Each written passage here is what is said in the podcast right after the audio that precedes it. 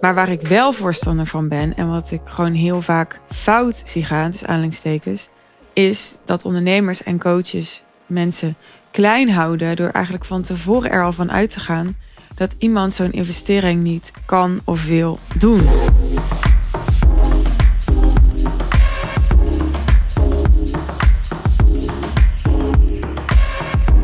De helft van je omzet als ondernemer in coaching investeren. Waarom zou je dat doen? En waarom zou je dat eigenlijk niet doen?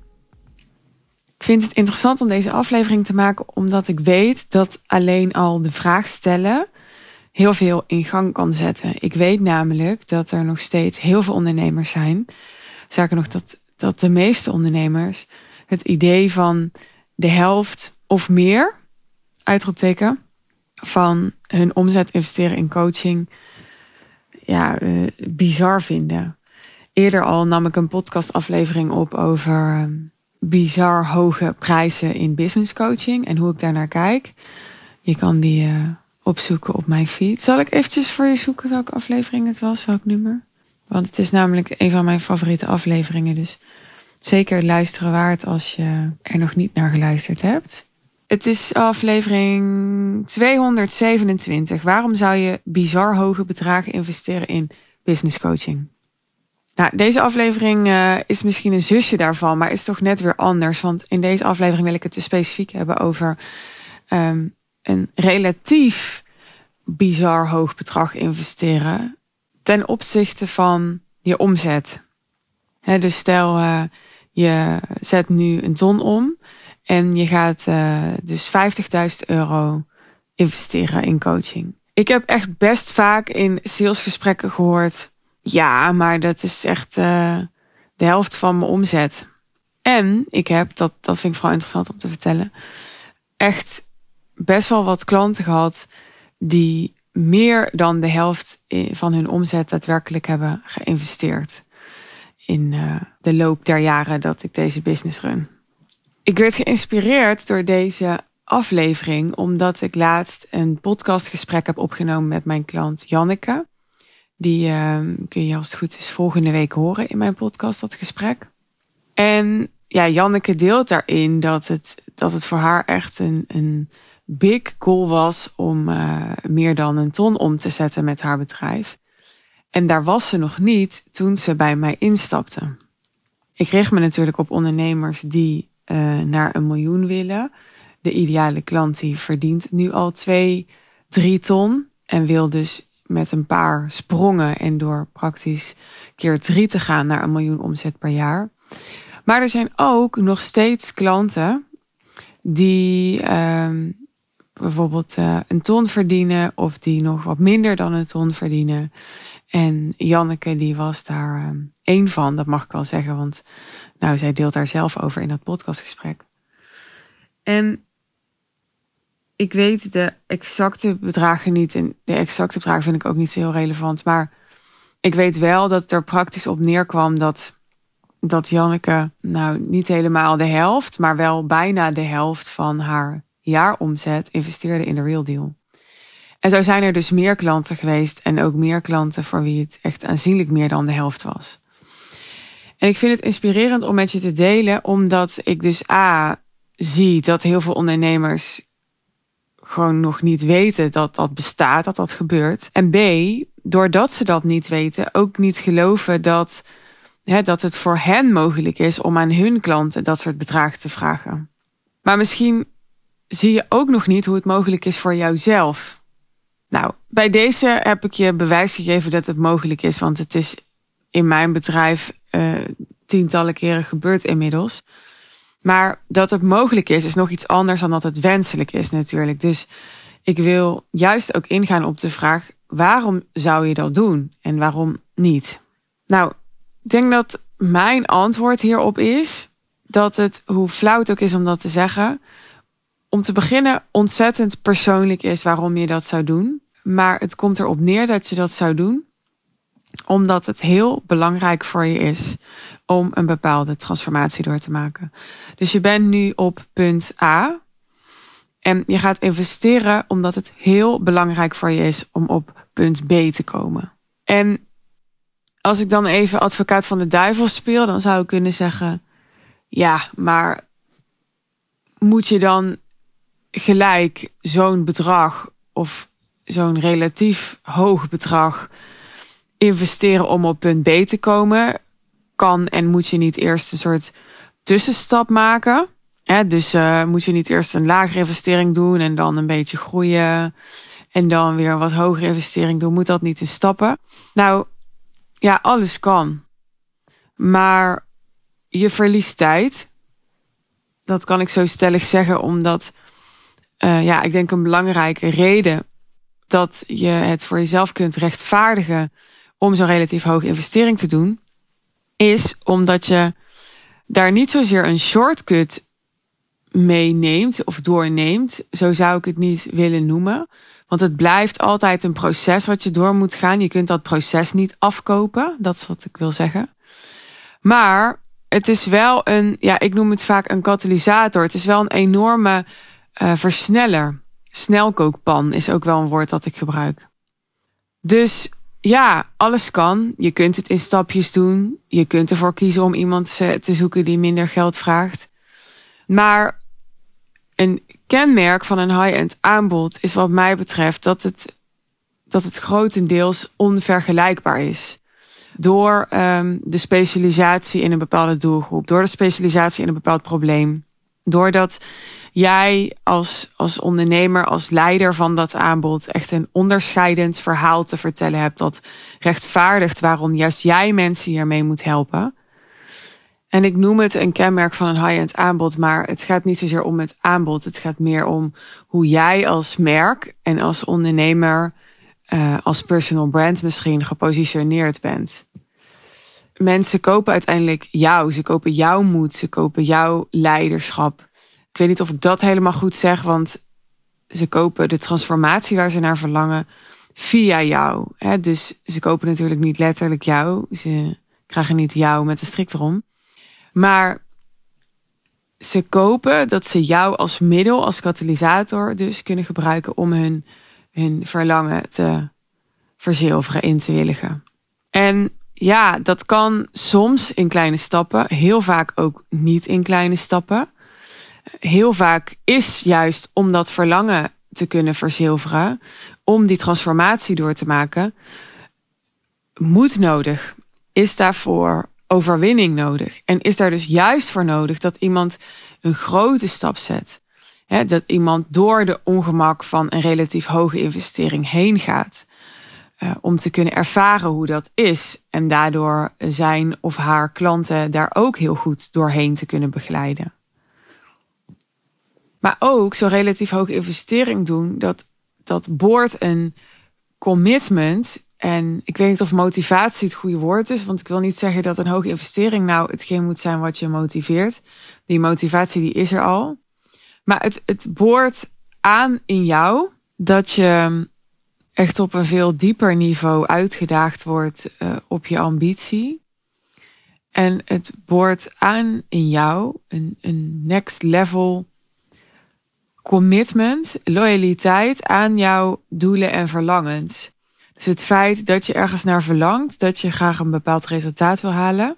En dat je dan een investering daarvoor doet die, die je ongemakkelijk maakt. Die je wel kunt dragen, maar die je wel ongemakkelijk maakt. Dat doet iets met je dat je niet gaat krijgen als je een, uh, een veel kleinere investering doet. Of als je ja, een veel kleiner commitment geeft. Nou goed, ik merk dat er echt nog een, een soort taboe rust af en toe op relatief heel veel geld vragen uh, aan mensen die dat misschien uh, nog niet verdienen, hè, nog moeten manifesteren. Uh, maar ook een taboe rust op zelf heel veel geld investeren, terwijl je het gevoel hebt dat je daar nog helemaal niet bent. En deze aflevering maak ik niet om mensen in een investering te trekken die ze niet kunnen dragen. Maar waar ik wel voorstander van ben en wat ik gewoon heel vaak fout zie gaan, dus aanleidingstekens, is dat ondernemers en coaches mensen klein houden door eigenlijk van tevoren er al van uit te gaan dat iemand zo'n investering niet kan of wil doen. En het signaal dat je daarmee afgeeft, wat mij betreft, is: jij bent daar niet toe in staat. En daar schuilt echt een zekere arrogantie in voor mij. Want ik ben ooit deze business begonnen zonder dat ik nog omzet had. Ik was toen wel freelancer. Dus het is niet helemaal fair om te zeggen dat ik nou uh, eh, 0 euro lopende omzet had. Maar dat was echt, ja, dat was echt een ander bedrijf. Hè? Uh, ja, eigenlijk was het geen bedrijf. Het was freelancen. Ja, ik, ik noem dat niet echt uh, een bedrijf. En toen begon ik dit bedrijf met 0 euro omzet binnen dit bedrijf. En toen heb ik ook mijn freelance werkzaamheden voor 90% stopgezet. Dat, dat had ik niet alleen gedaan om ruimte te maken om dit bedrijf te kunnen starten, maar dat was ook noodgedwongen omdat ik eh, RSI had toen. Misschien ken je mijn verhaal. En uh, ja, ik besloot 8000 euro te investeren. Terwijl er dus, ja, wat mij betreft, is maar een beetje hoe je naar kijkt, maar 0 euro omzet was. Dat is dus, uh, ja, wat is dat? 8000 procent meer dan mijn omzet of zo. En ja, later toen ik uh, in mijn eerste jaar een ton ging verdienen, heb ik iets van, ik geloof, 23.000 euro geïnvesteerd. Maar toen, toen had ik die ton nog niet. dus dat was ook op een punt dat ik, nou ja, misschien het dubbele ongeveer verdiende. Dus ik heb zelf ook de helft van mijn omzet uh, in het verleden geïnvesteerd in coaching. En ik denk alleen maar, uh, godzijdank, dacht mijn coach niet, oh, dat, dat moet ik niet vragen. Want uh, dat, dat kan zij helemaal niet aan of zo. Want die investeringen zijn echt een hele belangrijke basis geweest. Hebben een heel belangrijk zaadje geplant voor waar ik nu sta. En zeker in het begin van, van een bedrijf of van een project of, of van, ja, eigenlijk überhaupt van iets nieuws, kan ook een relatie zijn, heb je te investeren. Je hebt eerst te zaaien en dan kan je oogsten. Dus het is ergens ook heel logisch dat als je nog beginnend bent in je omzet, ook al heb je misschien je bedrijf al, al tien jaar, hè, dan kan je nog steeds een soort beginnersomzet hebben voor je gevoel. Is het heel logisch dat je juist dan relatief veel investeert. Ik zeg niet dat als je een miljoen verdient, dat dat niet meer kan. Um, maar ja, voor mij is het logischer om 50.000 euro te investeren als je een ton verdient, dan om 500.000 euro te investeren als je een miljoen verdient. Kan ook, maar juist als je, nou laten we zeggen, onder de half miljoen zit, en nog niet het gevoel heb, nou, mijn omzet gaat vanzelf en is op het, op het niveau waarop ik het wil hebben. En dit zeg ik niet helemaal goed, denk ik, want misschien draai je een half miljoen en denk je, nou, het, het loopt inderdaad allemaal. Het loopt allemaal wel vanzelf. Hè. Er komen klanten op me af, mijn marketing doet zijn werk. Ik heb doorverwijzers of ambassadeurs. Ik, ik ben een autoriteit. Dat zou heel goed kunnen, maar ik bedoel eigenlijk uh, er is voor mij echt een verschil tussen draai je al de omzet die je in de ideale situatie, als je echt helemaal eerlijk bent, wilt draaien. Want dan kom je in een fase dat, dat andere dingen soms belangrijker worden dan omzet. He, dat je bijvoorbeeld uh, uh, ja, je team helemaal goed op poten wil hebben. Of uh, dat je een, ja, een keer echt een, een, een sterk marketing event wil draaien. Wat misschien niet gericht is op omzet op korte termijn. Maar wat wel enorm merkversterkend kan zijn. Hè? Dus andere dingen worden dan belangrijk. Dus je wil dan misschien ook meer in andere dingen investeren. Ik ben een voorstander van om altijd in coaching te blijven investeren. Ik heb dat zelf altijd gedaan. Maar het is absoluut zo dat dat je in fases dat relatief meer doet dan in andere fases. En dat naarmate je meer omzet, het relatief bedrag dat je investeert in coaching waarschijnlijk naar beneden gaat. dat wil je ook, zeg ik heel eerlijk. Want waar je ja, op het moment dat je echt nog aan het bouwen bent aan je omzet, vooral wil investeren, komt er natuurlijk wel degelijk een moment dat je echt wil oogsten en wil cashen. Als je alleen maar jarenlang de helft van je omzet blijft investeren in, uh, in coaching, ja, dan, dan wil je wel ook voor jezelf helder hebben. Oké, maar wanneer komt dan het punt dat ik, dat ik echt die winst ga innen? Ik sta natuurlijk ook voor zo winstgevend mogelijk zijn. En daarin heb je te investeren. Maar ja, alleen maar investeren is, is uh, je kan daar natuurlijk in doorslaan ook weer. Maar goed, dat, dat zie ik eigenlijk niet zo snel, moet ik eerlijk zeggen. De meeste mensen zijn toch eerder behoudend hierin dan, uh, dan dat ze hierin doorslaan. En er zijn ook veel ondernemers die misschien denken dat ze doorslaan. En dan denk ik, nou, het kan zijn dat je doorslaat in investeringen, maar wat mij betreft slaan ze dan vaak niet door in het investeren in coaching, maar meer in Oh, ik kan hier ook nog een leuke retreat doen. En oh, ik kan ook nog even mijn leeromgeving een nieuw jasje geven. En oh, ik kan ook nog even uh, een high-end fotoshoot doen. En oh, ik kan ook nog even. Dus um, er zijn natuurlijk heel veel dingen waar je in kan investeren als ondernemer. Niet alleen in coaching. En uh, te veel tegelijkertijd te versnipperd doen. Daar geloof ik absoluut niet in. Ik zou dan echt zeggen, leg dat geld dan bij elkaar en investeer dan in één high-end traject waar je al je dedication en focus aan geeft. Ik zie gewoon in de praktijk dat dat veel beter werkt. En is ook gewoon aangetoond dat, dat versnippering veel minder goed werkt. Dat je daar minder hard door groeit. En lees het boek uh, The One Thing maar eens. Daarin staat dat haar fijn uh, uitgelegd. Nou, hierbij wat, uh, wat filosofieën over ja, waarom zou je de helft of meer van je omzet in coaching investeren? En waarom niet? Uh, met nogmaals mijn antwoord. Je zou het doen omdat het het waard voor je is om op punt X te komen. En je zou het niet doen omdat het blijkbaar oké genoeg voor je is om daar niet te komen. Althans, niet op korte termijn. En mensen zeggen dan wel eens: ja, maar ik ga daar dan wel komen. Maar hè, ik, ik kom daar ook wel door gewoon zelf gestaag te groeien. Oké, ik hoor je. En toch zie ik dat, misschien klinkt het arrogant, maar de plek waar ik mijn klanten breng. En dan heb ik het niet per se over omzet en over winst. Want ja, het is zo dat je zelfstandig gestaag kunt groeien in omzet. En misschien ook wel in winst. Maar ja, wat voor businessmodel heb je dan? Hoe simpel is het dan? Welke concessies heb je dan gedaan? Hoeveel vervulling ervaar je dan? Weet je, het, het gaat om en, en, en.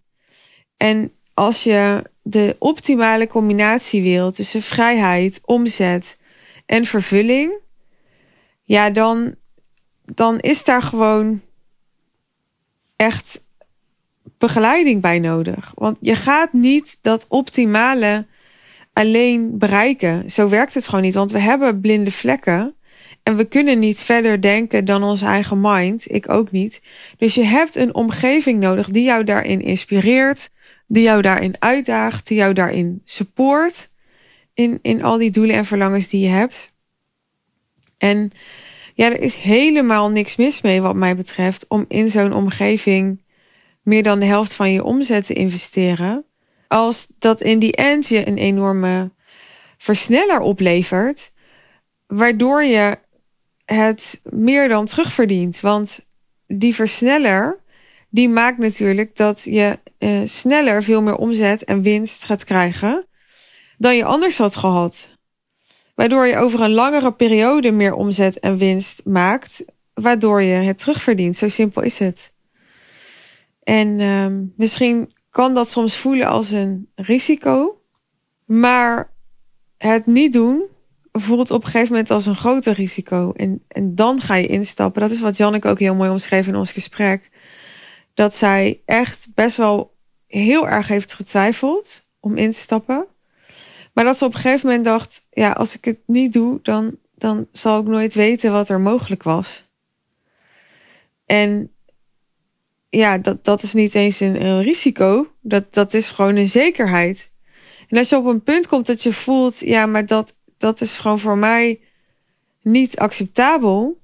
Hè? Om, om, om dat niet te weten en om daar niet voor mijn gevoel helemaal voor te zijn gegaan, al in te zijn gegaan, ja, dan wordt het een, een no-brainer om, om zo'n relatief hoge investering te doen. Nou, ik ben super benieuwd als je hier naar geluisterd hebt, welke relatief hoge investering je hebt gedaan. Uh, tegenover welke omzet. Ja, je bent super welkom om dat even met me te delen, want uh, daar komen vast hele toffe verhalen uit. Ik vind het altijd heel inspirerend om te horen en te lezen hoe ondernemers hierin hun eigen afwegingen maken en hebben gemaakt. Dus uh, je bent welkom om me daar even over te DM'en via Instagram.